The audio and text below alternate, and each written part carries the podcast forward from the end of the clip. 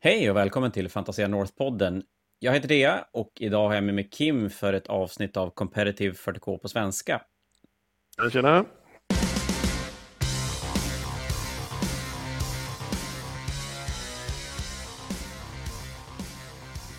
Då ska vi se. Vi har fått lite önskemål om att kika lite grann på olika typer av turneringslistor och snacka lite grann om varför de är bra och dåliga. Eller ja, de är turneringslistor som är förmodligen bra, men hur de spelar, vad man ska tänka mot dem och, och lite sådär. Eh, litet avbrott i Codex-reviewn som ibland inte passar så bra att göra, som nu till exempel, när det inte har funnits något supernytt Codex att snacka om. Eh, precis, och vi börjar med en riktig hot spicy potato med Tim Nordins Thousand Suns som vi såg på stream tror jag på Grand Fanatic. Ja, men det gjorde vi. Den mötte Björn Erikssons orker, vill jag tro. Nej, jag det var nog någon annan. det, var, det, det var, nej, det var ganska många Thousand Sun-arméer som fick vara med på stream. Med tanke på att det var bara fyra matcher vi streamade så var det, ah, var det en del Thousand Sun. Eh, men, men eh, det här var alltså från Draknästets 40K-lag från Grand Fanatiken som slutade femma, vill jag säga, men det ska jag inte svära på. Eh, oavsett så är det en intressant Thousand Sun-lista och en ganska bra början för oss att kika på för att det är en lista som ändå Ja, det är ganska mycket pill i den sådär, men, men det är inte supermånga enheter så att det, det är en bra, bra början för oss också. Men först tänkte jag att vi måste ändå snacka lite grann om världen runt omkring. Jag tänkte Kim, sen senast vi pratade, vad händer i din hobbyvärld?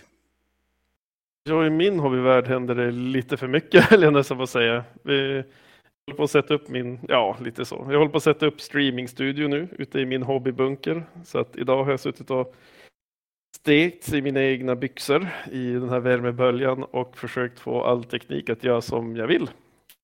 För det är det man gör när det är 30 grader varmt ute, att man sätter sig Bästa och börjar tidpunkten. På. Ja, för målar går knappt att göra.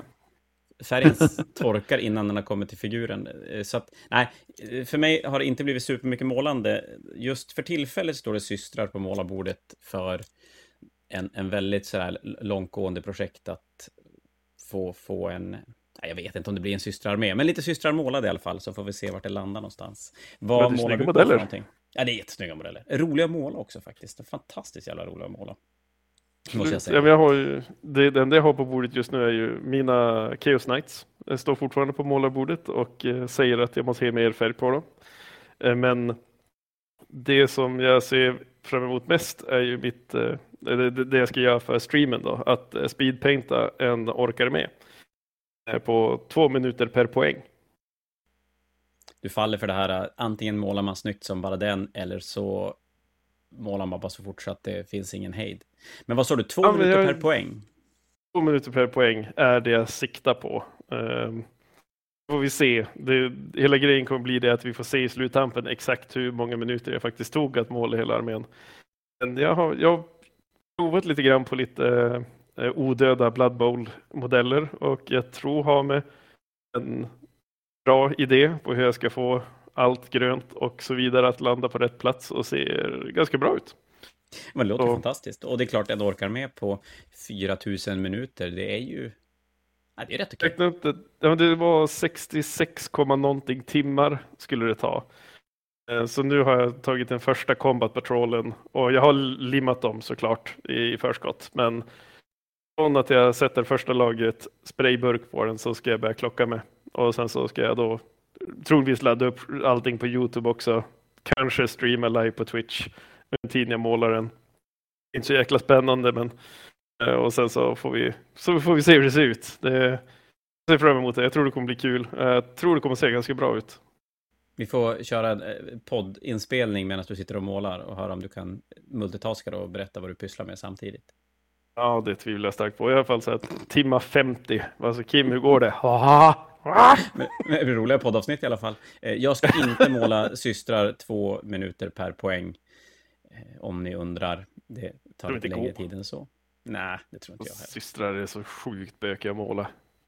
Ja, men jag tycker de var ganska roliga faktiskt. Jag, jag vet inte, jag, jag har hittat ganska enkelt sådär, jag drybrushar rustning i, ja, men svarta och röda, så vad är det? Eh, Blood Rose. Och så, så det är svart rustning, grå drybrush, dit med lite metall.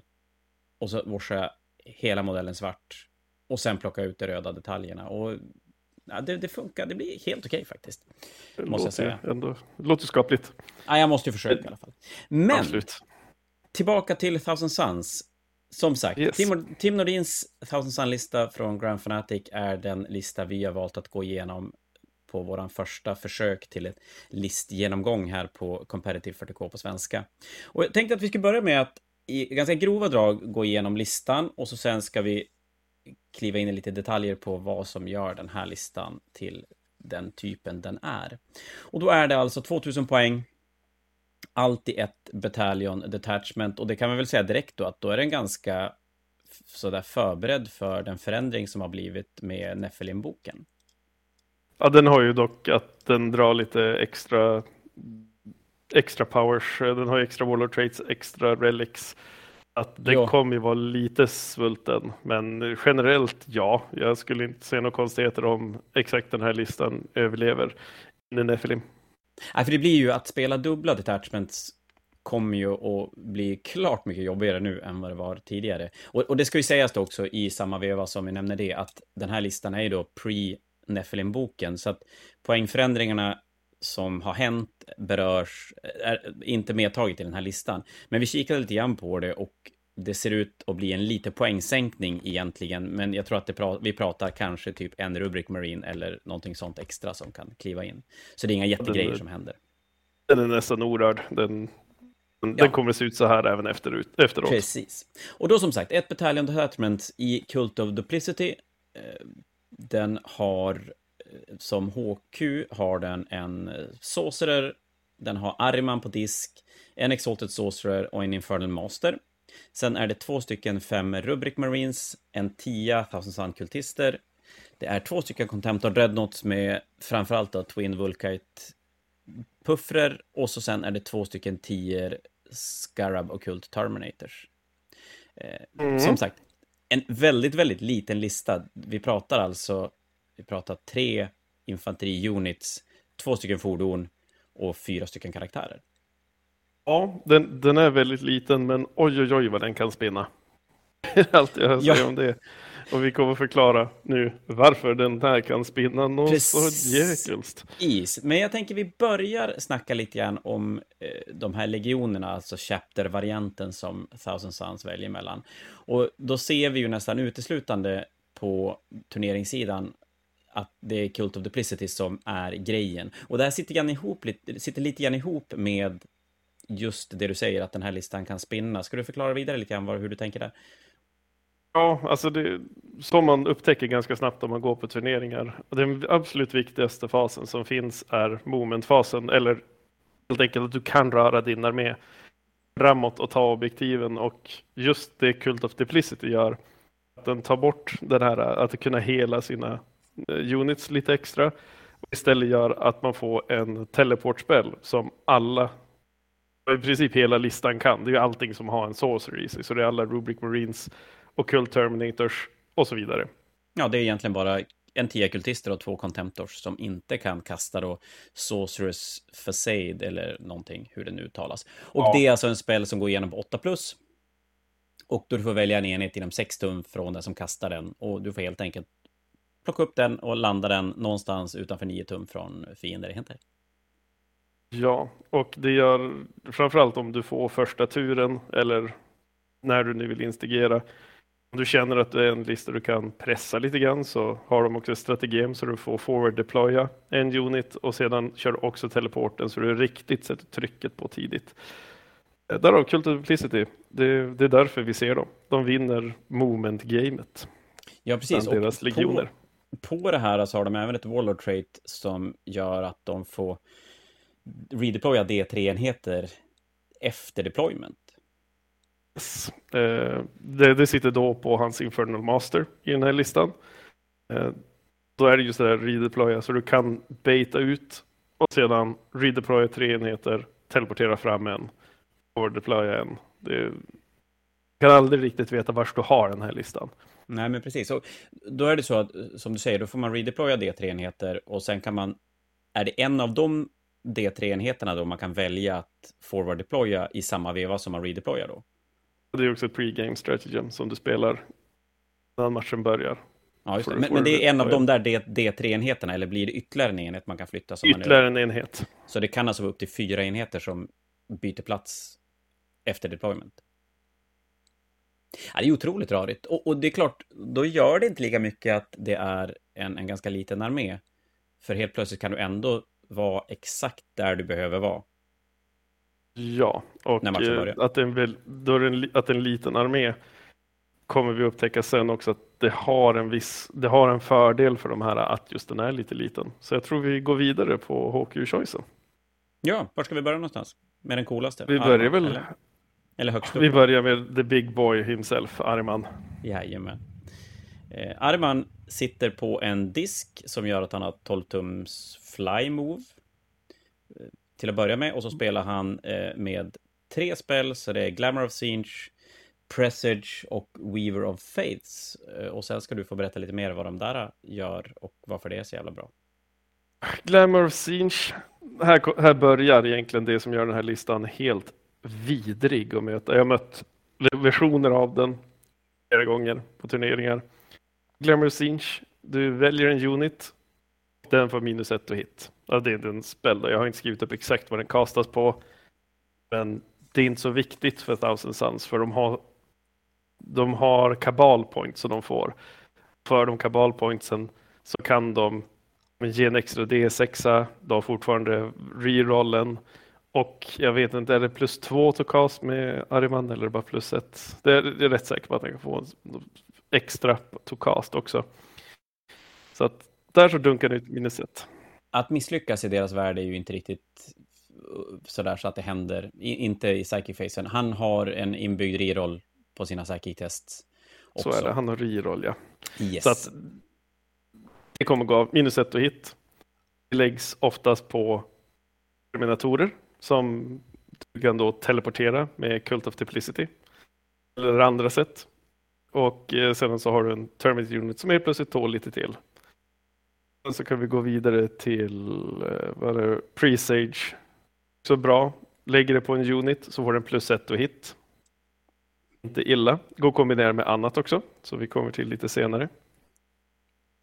Ja, redan där kan han göra ganska tanke... Ja, sista spelaren han hade var Weaver of Faith som ger 4 plus invosave till en enhet. Precis. Och det är ju den kombinationen, Glamour Singe med eh, Weaver of Faiths.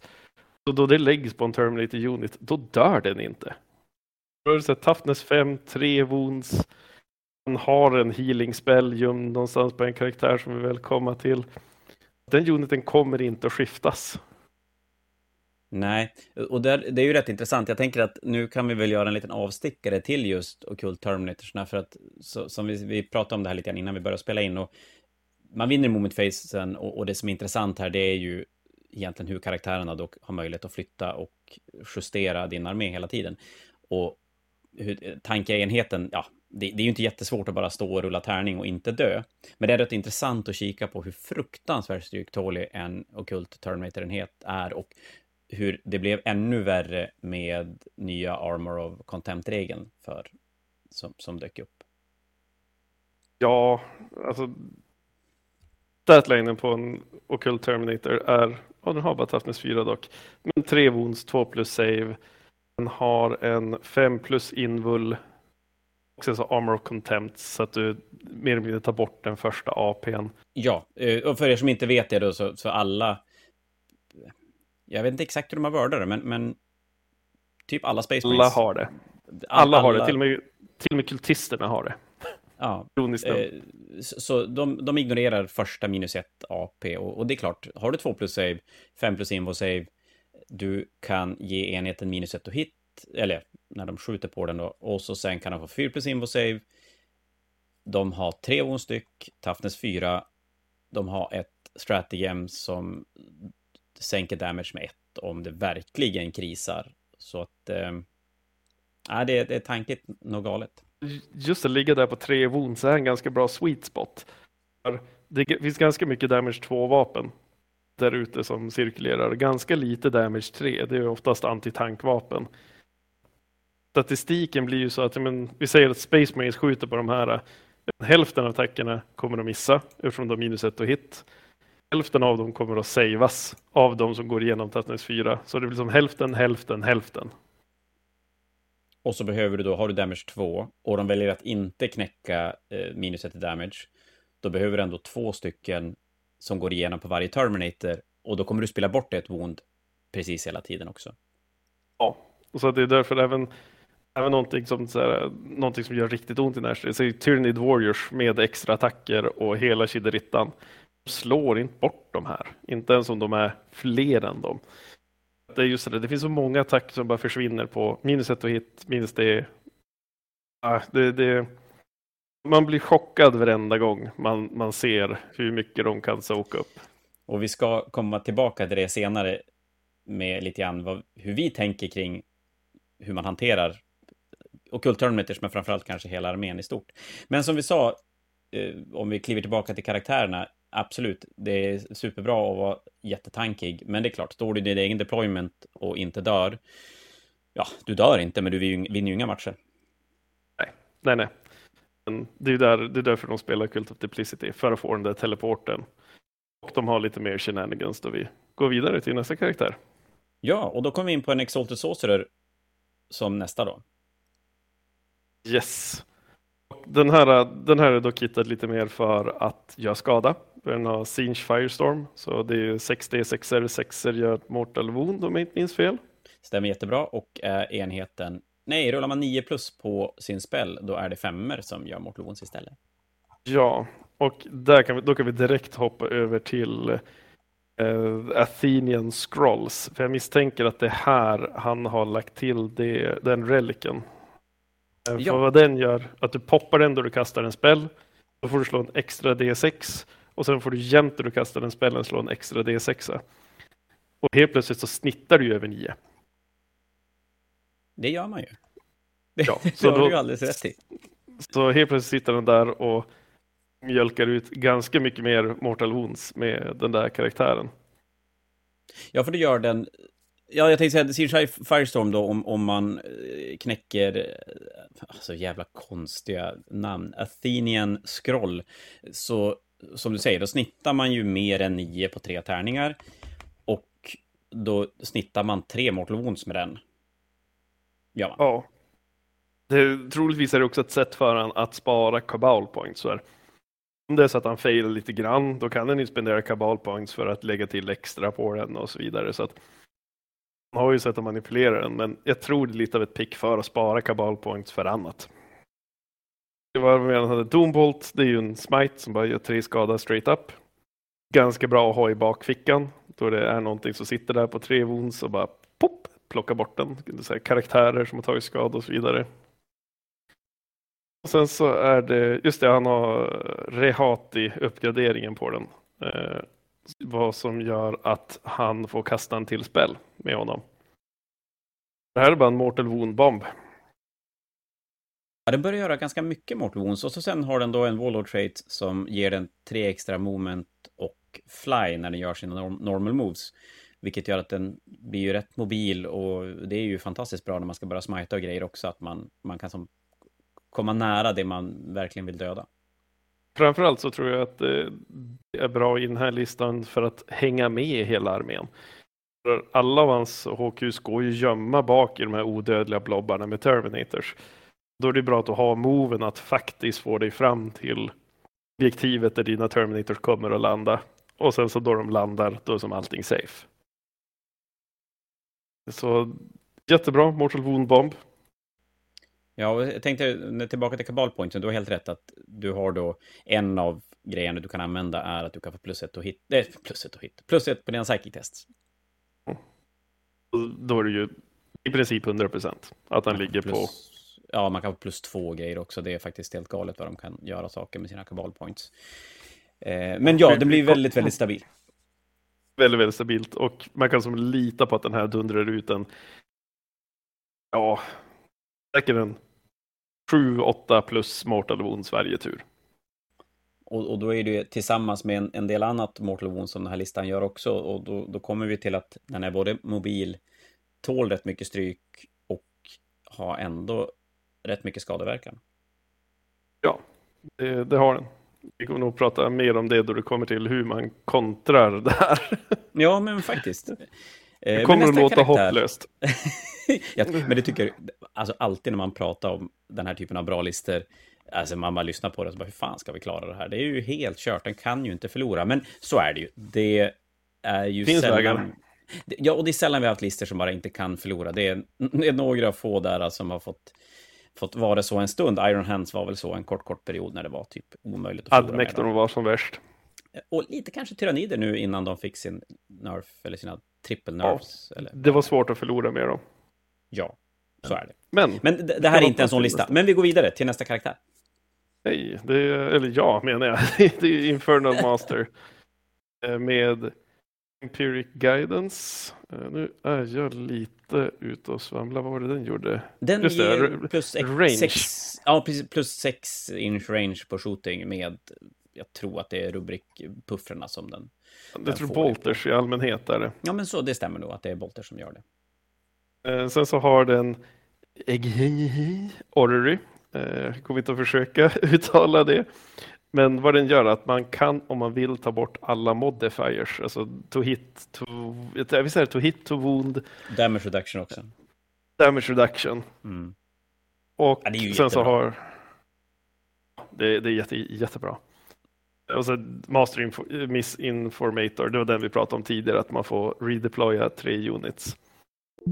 Och här har vi en billig, 90 poäng. Och hade ytterligare ett lager av buffar för de här unitsarna som ska dra det tunga lasset och det är ju Terminators. Nu så har vi helt plötsligt 30 tums range bolterpicker. Eh, de är inte vanliga bolters utan det är ju thousand sun bolters så de skjuter ju sönder allt. Och det finns ingenting som stoppar dem. Det är finns ingenting du kan göra för att minus to hit, inget minus to wound, ingenting. Jag kommer bara wounda dig straight up på det tärningen säger. Så du kan inte modifiera mig. Nej, precis. Så är det Rapid Fire 2 då på, på uh, Terminatorsnas Bolters. Uh, styrka 4 minus 2, damage 1. Till 15 tum. Du kan i princip stå på, du kan teleportera fram, ställa dig med ganska stor del av uniten på ett objektiv, så att du blockar, så du ställer dig på motståndarens sida av objektivet, blockar och är inom rapid fire range direkt och bara tömmer. Om han har ställt sig öppet och det den tömmer på kommer nog det. Ja, för då är det ju ändå så att även med Armor Contempt, om du skulle möta då andra typer av Space Marines, så eftersom du kan teleportera det så kan du eventuellt hamna så att de inte får cover. Och att då ha minus två hjälper ju ganska mycket. Då det blir minus ett i alla fall och inte eh, AP-streck. Ja, och det, det är jättebra. Jätte, jättebra. Det är så vanligt också att folk försöker manipulera dice rolls upp och ner. Eh, ja. Och det här säger bara nej. Det blir inget, du får inget sånt kul. Jag, jag kommer bara skjuta dig. Det, det, och det, där är vi tillbaka lite grann till att den här listan bygger då, som du säger, på...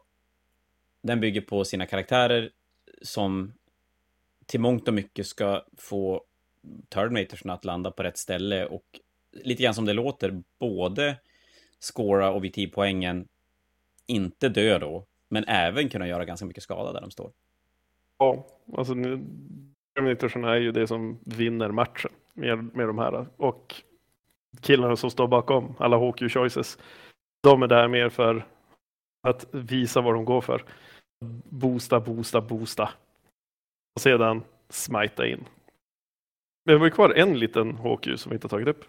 Ja, det har vi. Vi har en liten, liten sorcerer som inte tar upp någon Force Organization... Or, or, tar inte upp någon Force Organization slott så att du kan klämma in fyra karaktärer på din bataljon, i din bataljon. Yes, och eh, han har Temporal Manipulation så att den helar. Eh, D3 Wounds eller en modell som har dött. Ett uppenbart val är ju Terminators. Någonstans så landar vi där, igen.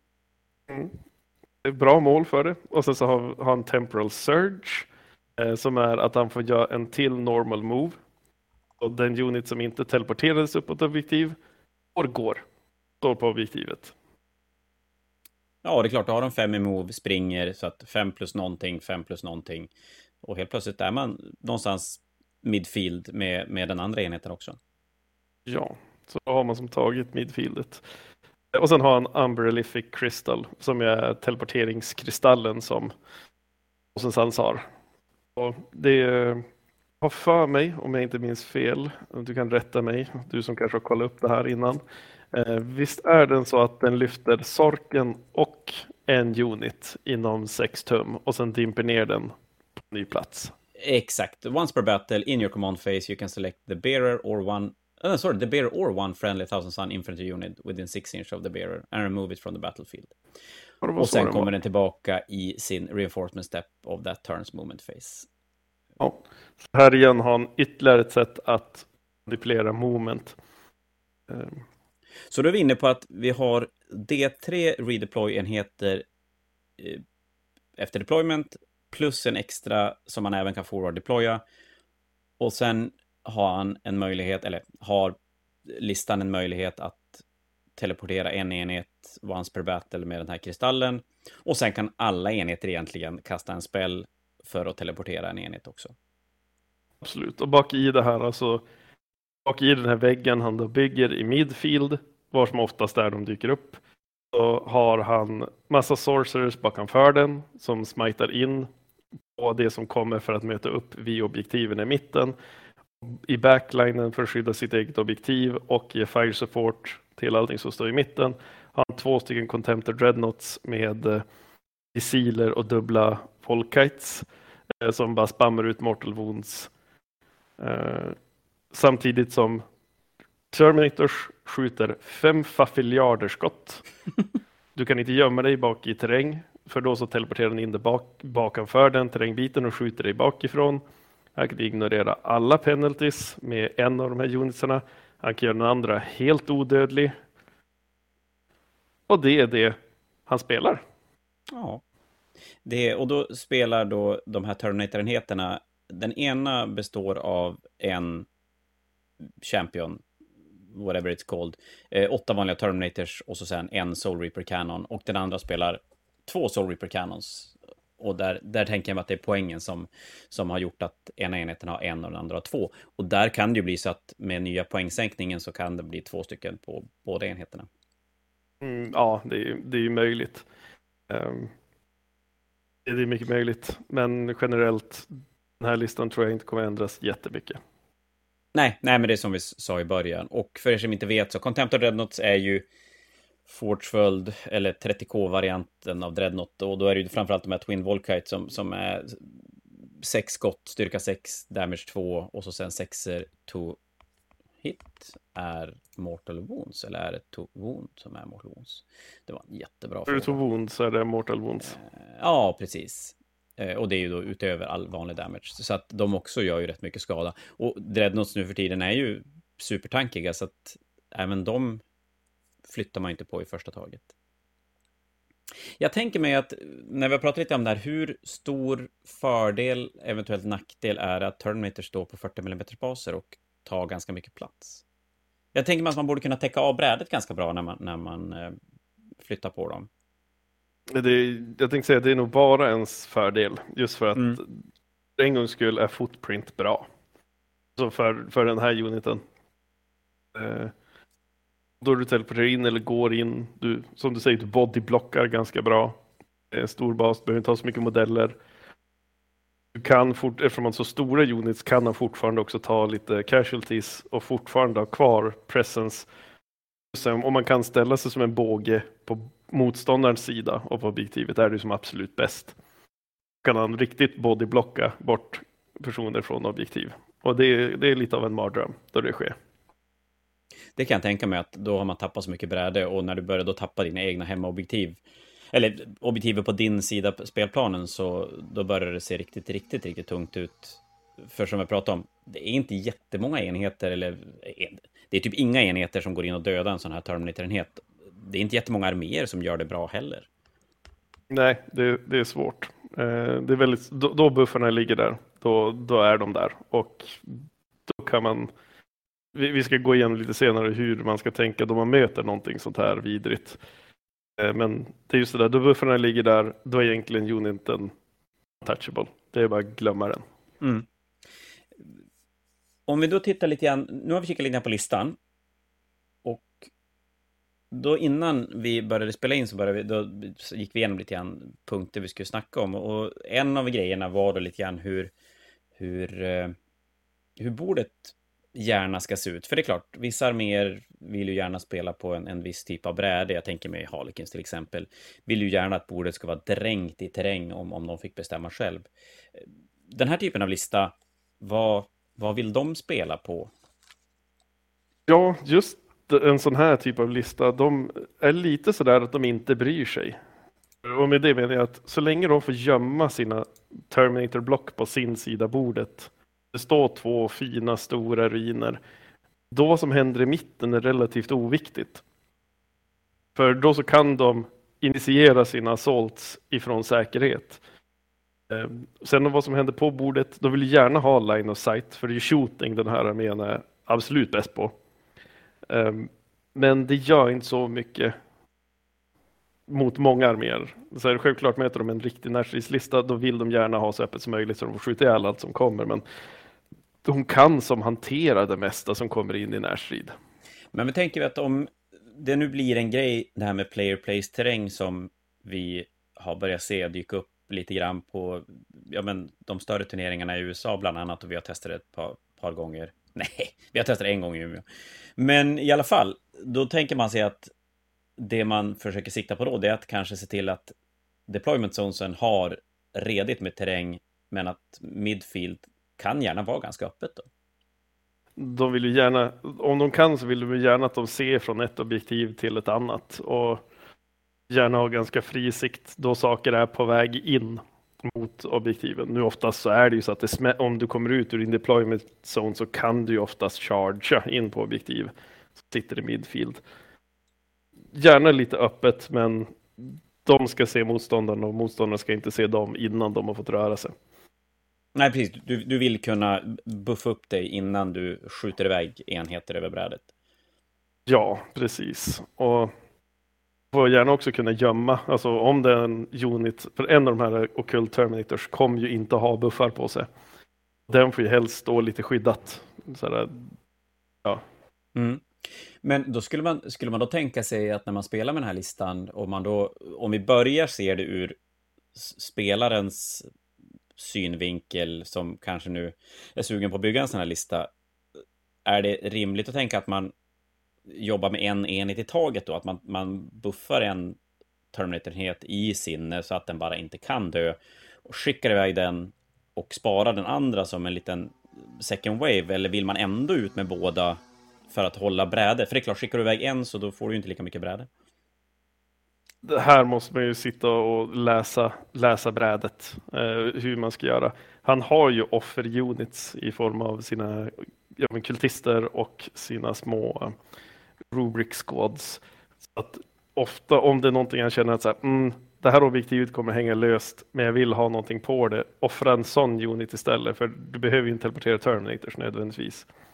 Nej. Man kan ju bara springa ut med en sån unit eller teleportera dit en sån unit istället. Och som försöka locka ut motståndaren och göra misstag.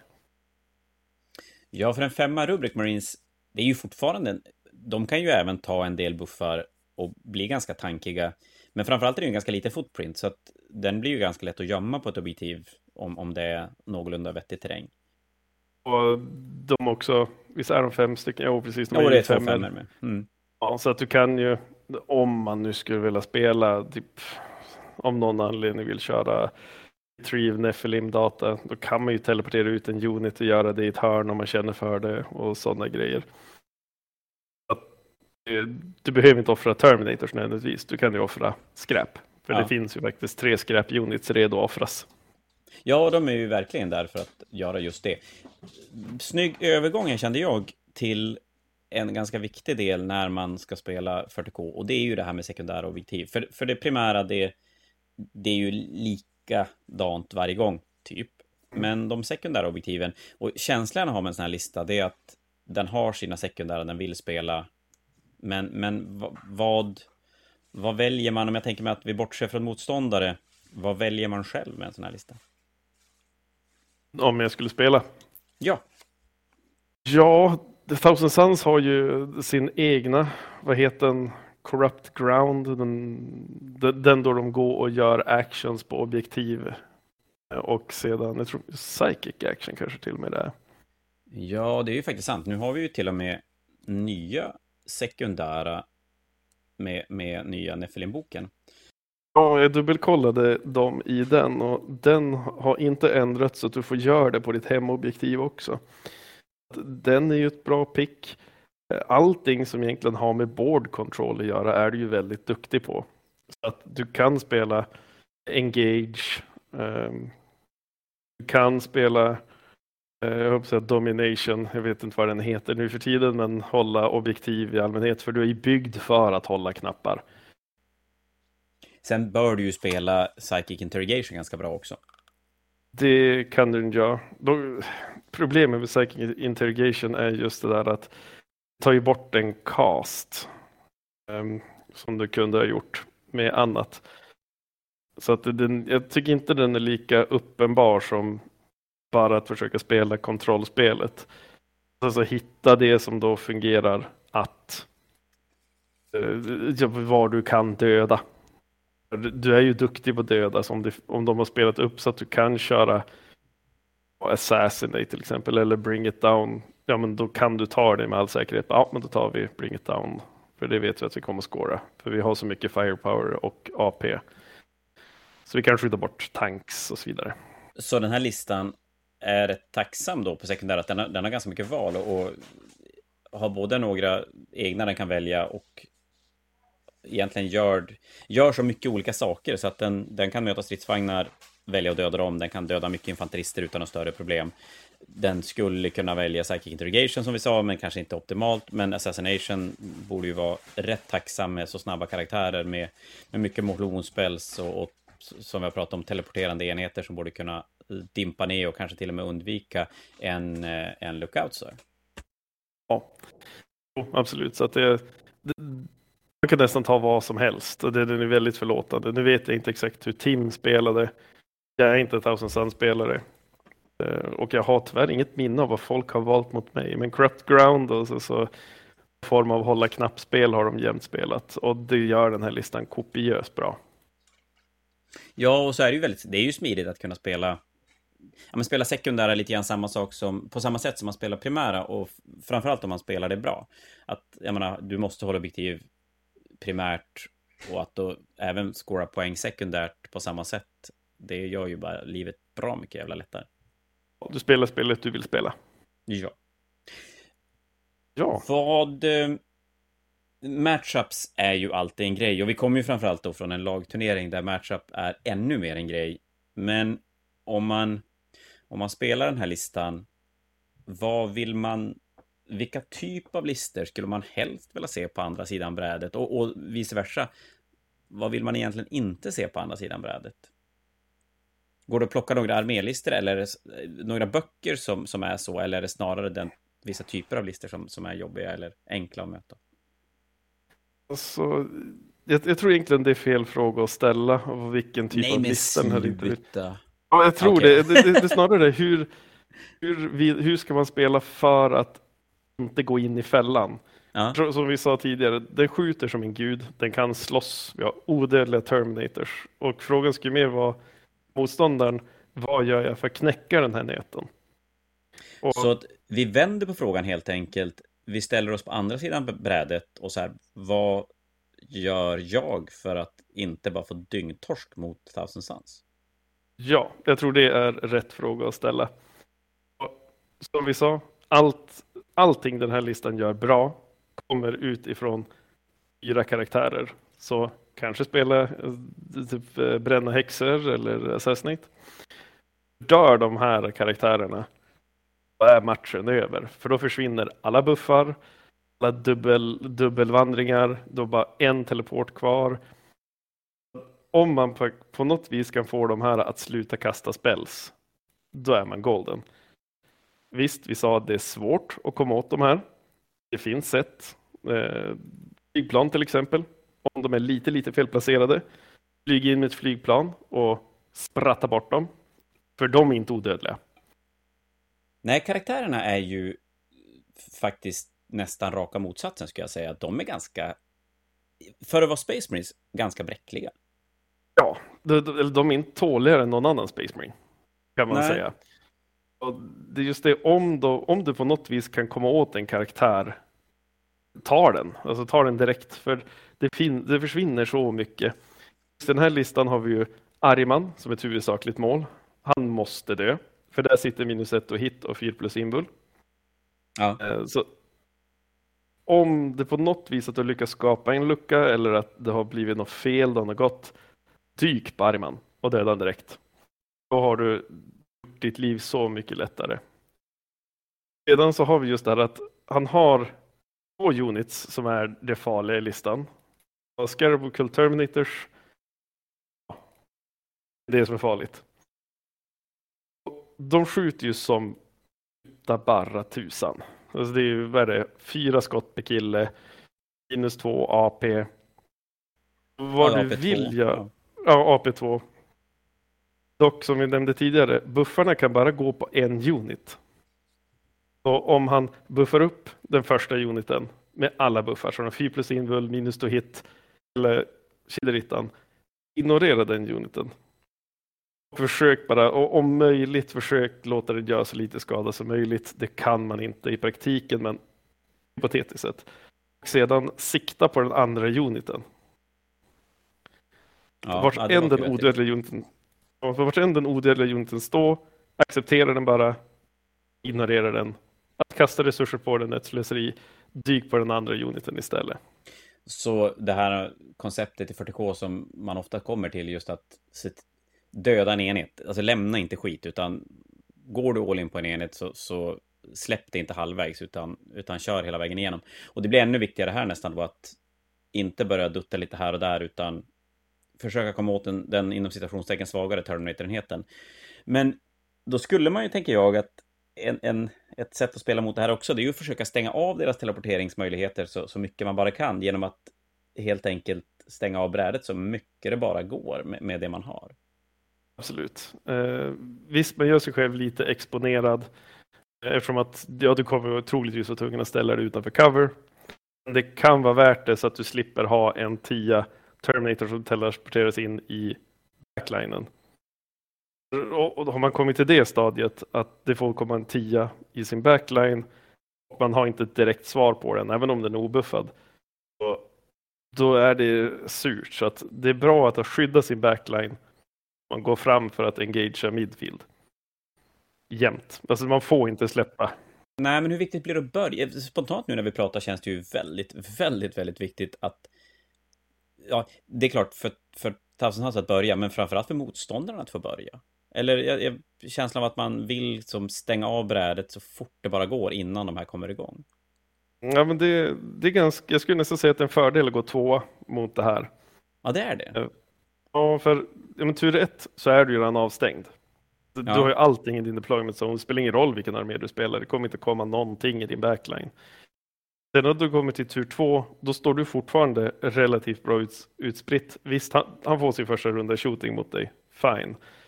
Men oftast på moderna bord och även om, speciellt om det är player place terrain, då bör du ha fått mobilisera dig så att det är ganska svårt att komma åt dina nyckelspelare det är lite där, det är ingen, jag skulle säga att det är ingen fördel att få gå först mot Thousand Suns. För också, det är en liten armé, man rymmer hela armén bak i två ruiner. Det är så här, du kommer få första turen, titta över på andra sidan, bara ja, jag ser inte ett skit. och sen var det klart.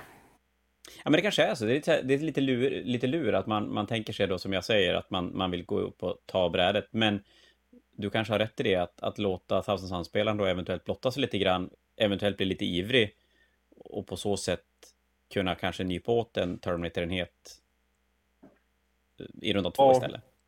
Ja, alltså det, det, är lite så här det vi har pratat om. Det, det kommer som inte gå att stoppa. Vi säger att du, du snör fram tio gargoiler på ett, eller någonting. Du snör fram någonting för att stoppa ett objektiv i mitten. Kommer Thousand-spelet titta, okej, okay. alla buffar på den närmsta Terminator, Terminator-uniten, för de kommer troligtvis stå på varsin sida av bordet. Så går han fram, kastar så han får gå igen, gå igen, skjut charge. Uniten är död. Han står på objektivet precis som han ville. Du har tappat resurser, han har inte gjort något, tappat något. Ja, den, den tradar ju bra med tanke på att den tradar med en enhet som inte går att döda, typ. Men när den väl dör, då, då, då är det fruktansvärt tungt för Thousand om man lyckas ta hand om den. Det, det är just det. det, det, är ingen fördel att gå först, utan du vill helst se att du engage, han committar till någonting, du reagerar och, och utnyttjar de svagheter han har lämnat för dig. När vi började prata om den här listan alldeles i början, när vi gick igenom vad den gjorde och hur den gjorde det, då kändes det spontant som en väldigt, väldigt lätt lista att spela och, och en ganska bra sen, nybörjar, nybörjarlista för att göra, göra bra ifrån sig. Men nu när vi har pratat lite längre så känner jag ju nästan kanske precis tvärtom, att det är ganska lurigt att spela Thousand Suns rätt. Spela Thousand Suns bra är jättesvårt. Alltså duktiga Thousand Suns-spelare är en jättesvår nöt att knäcka. Uh, för det, alla buffar måste ligga på rätt plats. För, ja, men som vi såg på streamen, nu var det ju mm. inte, inte Tims lista vi såg, men vi såg ju tio Terminators bara försvinna av Death Coptas. Pum, ja, det var tio borta. Det var mäktigt. För det var en obuffad unit. Men så fort alla buffar kom på den andra uniten. Jag vet inte om den dog. Ja, den dog tills... Nej, jag vet inte om den dog under matchen. Då var det ändå var det tio Deathcottas som sköt in i dem varenda tur. Bara bamber, bamber, bamber, bam. Det, det, det, det är svårt att spela Thousand Suns. Det, det, minsta misstag och du straffas stenhårt att gömma karaktärerna, när, när du har, som vi pratade om tidigare, att du har tre karaktärer, eller du har fyra karaktärer, så du har egentligen, du har nästan lika många karaktärer som du har enheter som faktiskt kan gömma karaktärer. Och de är till mångt och mycket superviktiga för att en armé ska funka. Du behöver teleportera iväg enheter för att hålla bräde, men du vill ju även skydda dina karaktärer på ett bra sätt. Och det måste ju ändå vara ganska lurigt att göra. Det är, det är lurigt. Eh, och för att då man möter något sånt här mot en bra spelare så gäller det att på samma sätt vinn i moment face, skapa luckor, skjut på icke-buffade grejer och framförallt spela objektivspelet väldigt, väldigt hårt. Skjut jättehårt och de kommer som att spela det. De har en punkt de alltid har ett ankare på och det är den här Terminator-uniten de andra delarna som du har en chans att manipulera mycket lättare. Och gå runt den uniten och sen då du, om du känner så att nu har jag nog med Mortal Wounds till exempel, för det är, är de ju känsliga mot. Om du känner att ja, men jag kan pumpa in så att jag tar bort fem stycken, sex stycken Terminators i ett svep. För det är kanske dubbla units med zoanthropes och så spore mine som har legat bakom en ruin och fått överleva så du kan dyka in med dem. Då går du på det. Men det ska verkligen vara så här, det råkade bli så att jag kan döda den här uniten nu, så nu tar jag det. Det ska aldrig vara ditt mål. Nej, då är det bättre att lägga det fokuset på att jaga karaktärer, eller kanske till och med ta hand om de här äh, tre stycken småttenheterna som finns. För det är klart, försvinner de också, då, då blir ju möjligheten för den här armén att hålla objektiv ganska mycket mindre. Det blir så. Och då så kommer du att spela second, alltså secondaries och primary-spelet bättre än vad han gör. Och då bryr du dig inte. Det,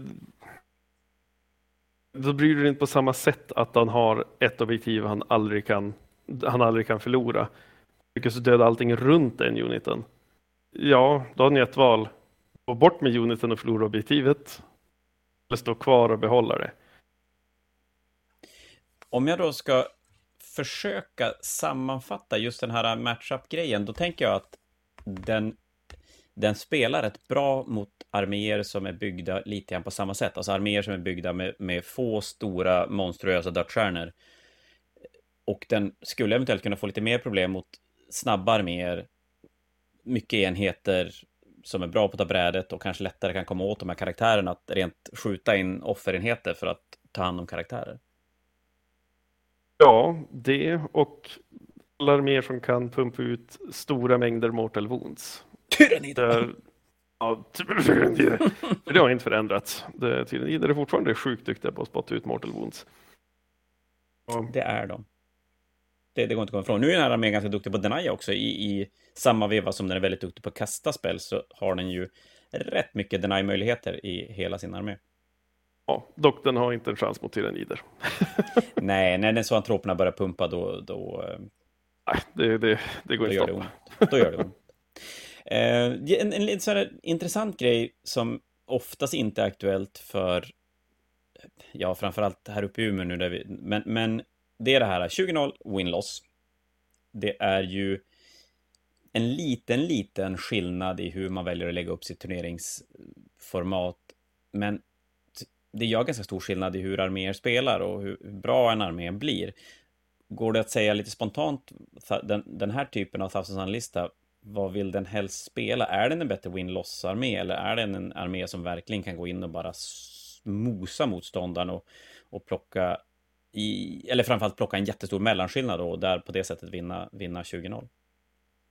Alltså jag skulle... Nu är det ju så att jag är ju en inbiten 20-0-spelare. Ja, vi är ju det lite båda två här alltså. Ja, men alltså spontant just för hur den här fungerar så skulle jag nästan vilja säga att win-lossen är ett bättre format för den.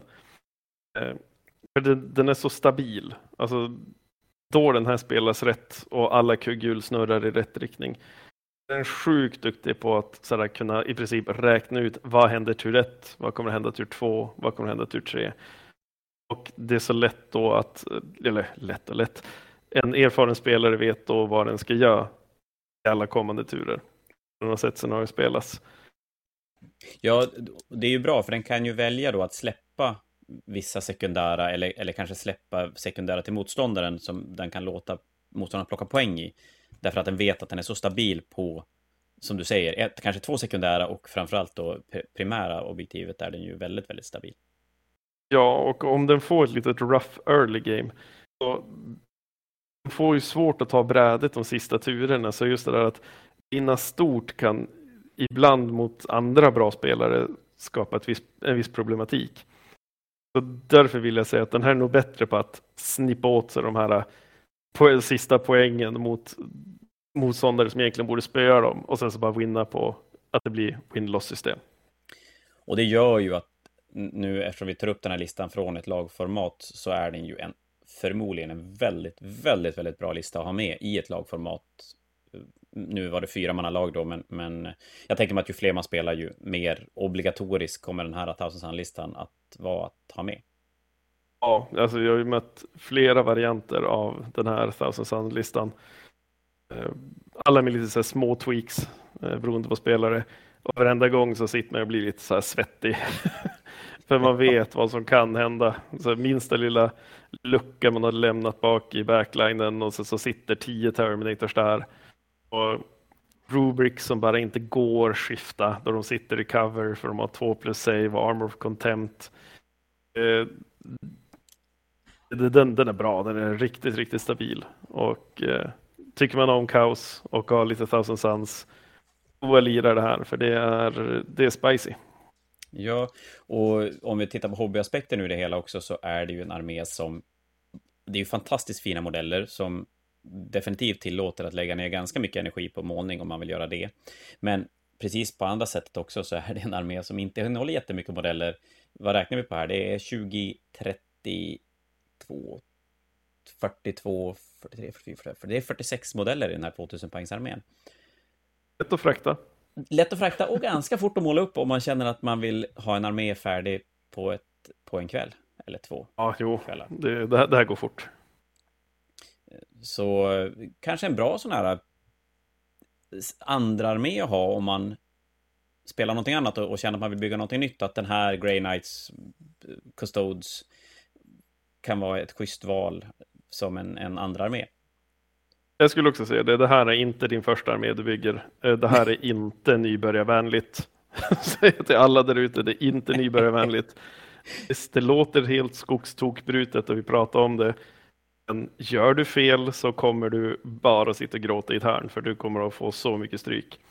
Ja, men jag tänker mig att en vanlig miss med den här listan, det måste, ja men om man lyssnar på oss nu till exempel, då hör man att, ja men Terminator, stenhårda, pumpa upp dem, ut med dem på brädet, döda vad du pekar på. Men det är väl lika gärna det som kan bli det stora misstaget folk gör, att de, de bara skickar ut enheter och blottar sig för mycket och har som inget, ingen andra plan, sådär, ingen backup-plan när, de, när det inte funkar. Ja, dock så är ju den här listan lite grann så att om inte planen funkar, ja, då kommer den inte funka. Men den, ja, men det är där det kommer att det måste vara bra, bra personer bak i spakarna. För att kunna anpassa sig själv då det börjar gå lite sådär, det händer saker som du inte räknar med. Och att inte göra misstaget att bara råka ge bort tio Terminators för att du inte buffar dem. Det är tungt att ge bort 10, 10 Terminators av dina 47 modeller eh, när 10 andra modeller är 10 kultister som kostar 50 poäng. Ja, och vadå, en, en unit med Terminators är 400 någonting poäng. Ja, 400... Det... Ja, gud, jag hittar inte ens där, men det är jättemycket poäng. Det ska sägas i och för sig också att när vi pratar sekundär, att den här spelade ju alltid To the Last när den spelade.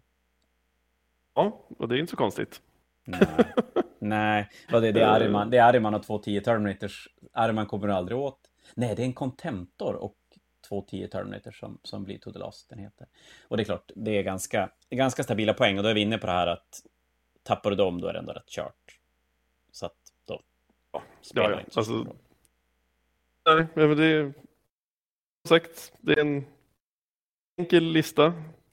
Man läser den på papper. Men, och den är enormt dödlig. Eh, men den har svagheter. Det, det, är en unit som kommer alltid vara odödlig och karaktären är svår att nå. Men når man karaktärerna och kan döda dig runt om dem så har de inget, eh, inget, eh, inget game. För de kommer inte kunna hålla objektiv. Eh, om du, om du, och om de kommer spela hela tiden så att du inte kommer åt karaktärerna och inte kommer åt de här små unitsarna som skårar objektiv i bakgrunden. Det är det du ska sikta på då man mäter, mäter den här listan. Det tycker jag var en superbra avslutning på den här listgenomgången. För där någonstans så, så har vi gått igenom det mesta och hoppas att folk har fått med sig både lite tankar på om de är sugen på spelaren, eller spelaren och inte riktigt får den att fungera. Ni som redan kan den, ni, ni vet vad ni gör för någonting. Och för er som ska möta en Thousand så kanske ni har lite verktyg och lite tankar på hur ni ska lösa den där tian som kommer flygande mot dig och inte bara kissa ner sig och lämna VO. Ja, det, det går alltid att spela. Alltså säga, det, det, det går nästan alltid att spela. Det gör det. Fast och förlorar man kan man alltid skylla, ja, och förlorar man kan man alltid skylla på dåliga tärningar. Skitenkelt. Ja. Men du Kim, det där kändes som en, en ganska bra genomgång av första listan. Vi kommer att komma tillbaka med fler av den här typen av varianter. Är det så att ni har någon lista där ute som ni kanske har sett från en LVO eller liknande som ni vill att vi ska kika på så eh, nå oss på sociala medier så ska vi se vad vi kan göra. Nästa sväng blir förmodligen Tyrannider va? Ja, den länge väntade reviewen av Tyrannidkodexen. ja. ja, men vi har ju bara väntat på att de här nerfsen skulle komma, för det visste ju vi redan att det skulle komma. Så det kändes inte rimligt, kanske. Den, den, är ju faktiskt mer spännande att prata om nu, tycker jag. Ja, det är den. Ja, men nu är den ju rimlig, tycker jag. Alltså det känns rimligt. Eh, och vi kommer att titta redan, vi kommer att titta på hur den har blivit nerfad och, och, hur den ska spela och lite grann sådär. Men det blir nästa steg. Så att vi gör väl så att vi säger bara tack för ikväll allihopa och tack Kim. Vi hörs mer längre fram. Hej då på er! Det gör vi. Hej!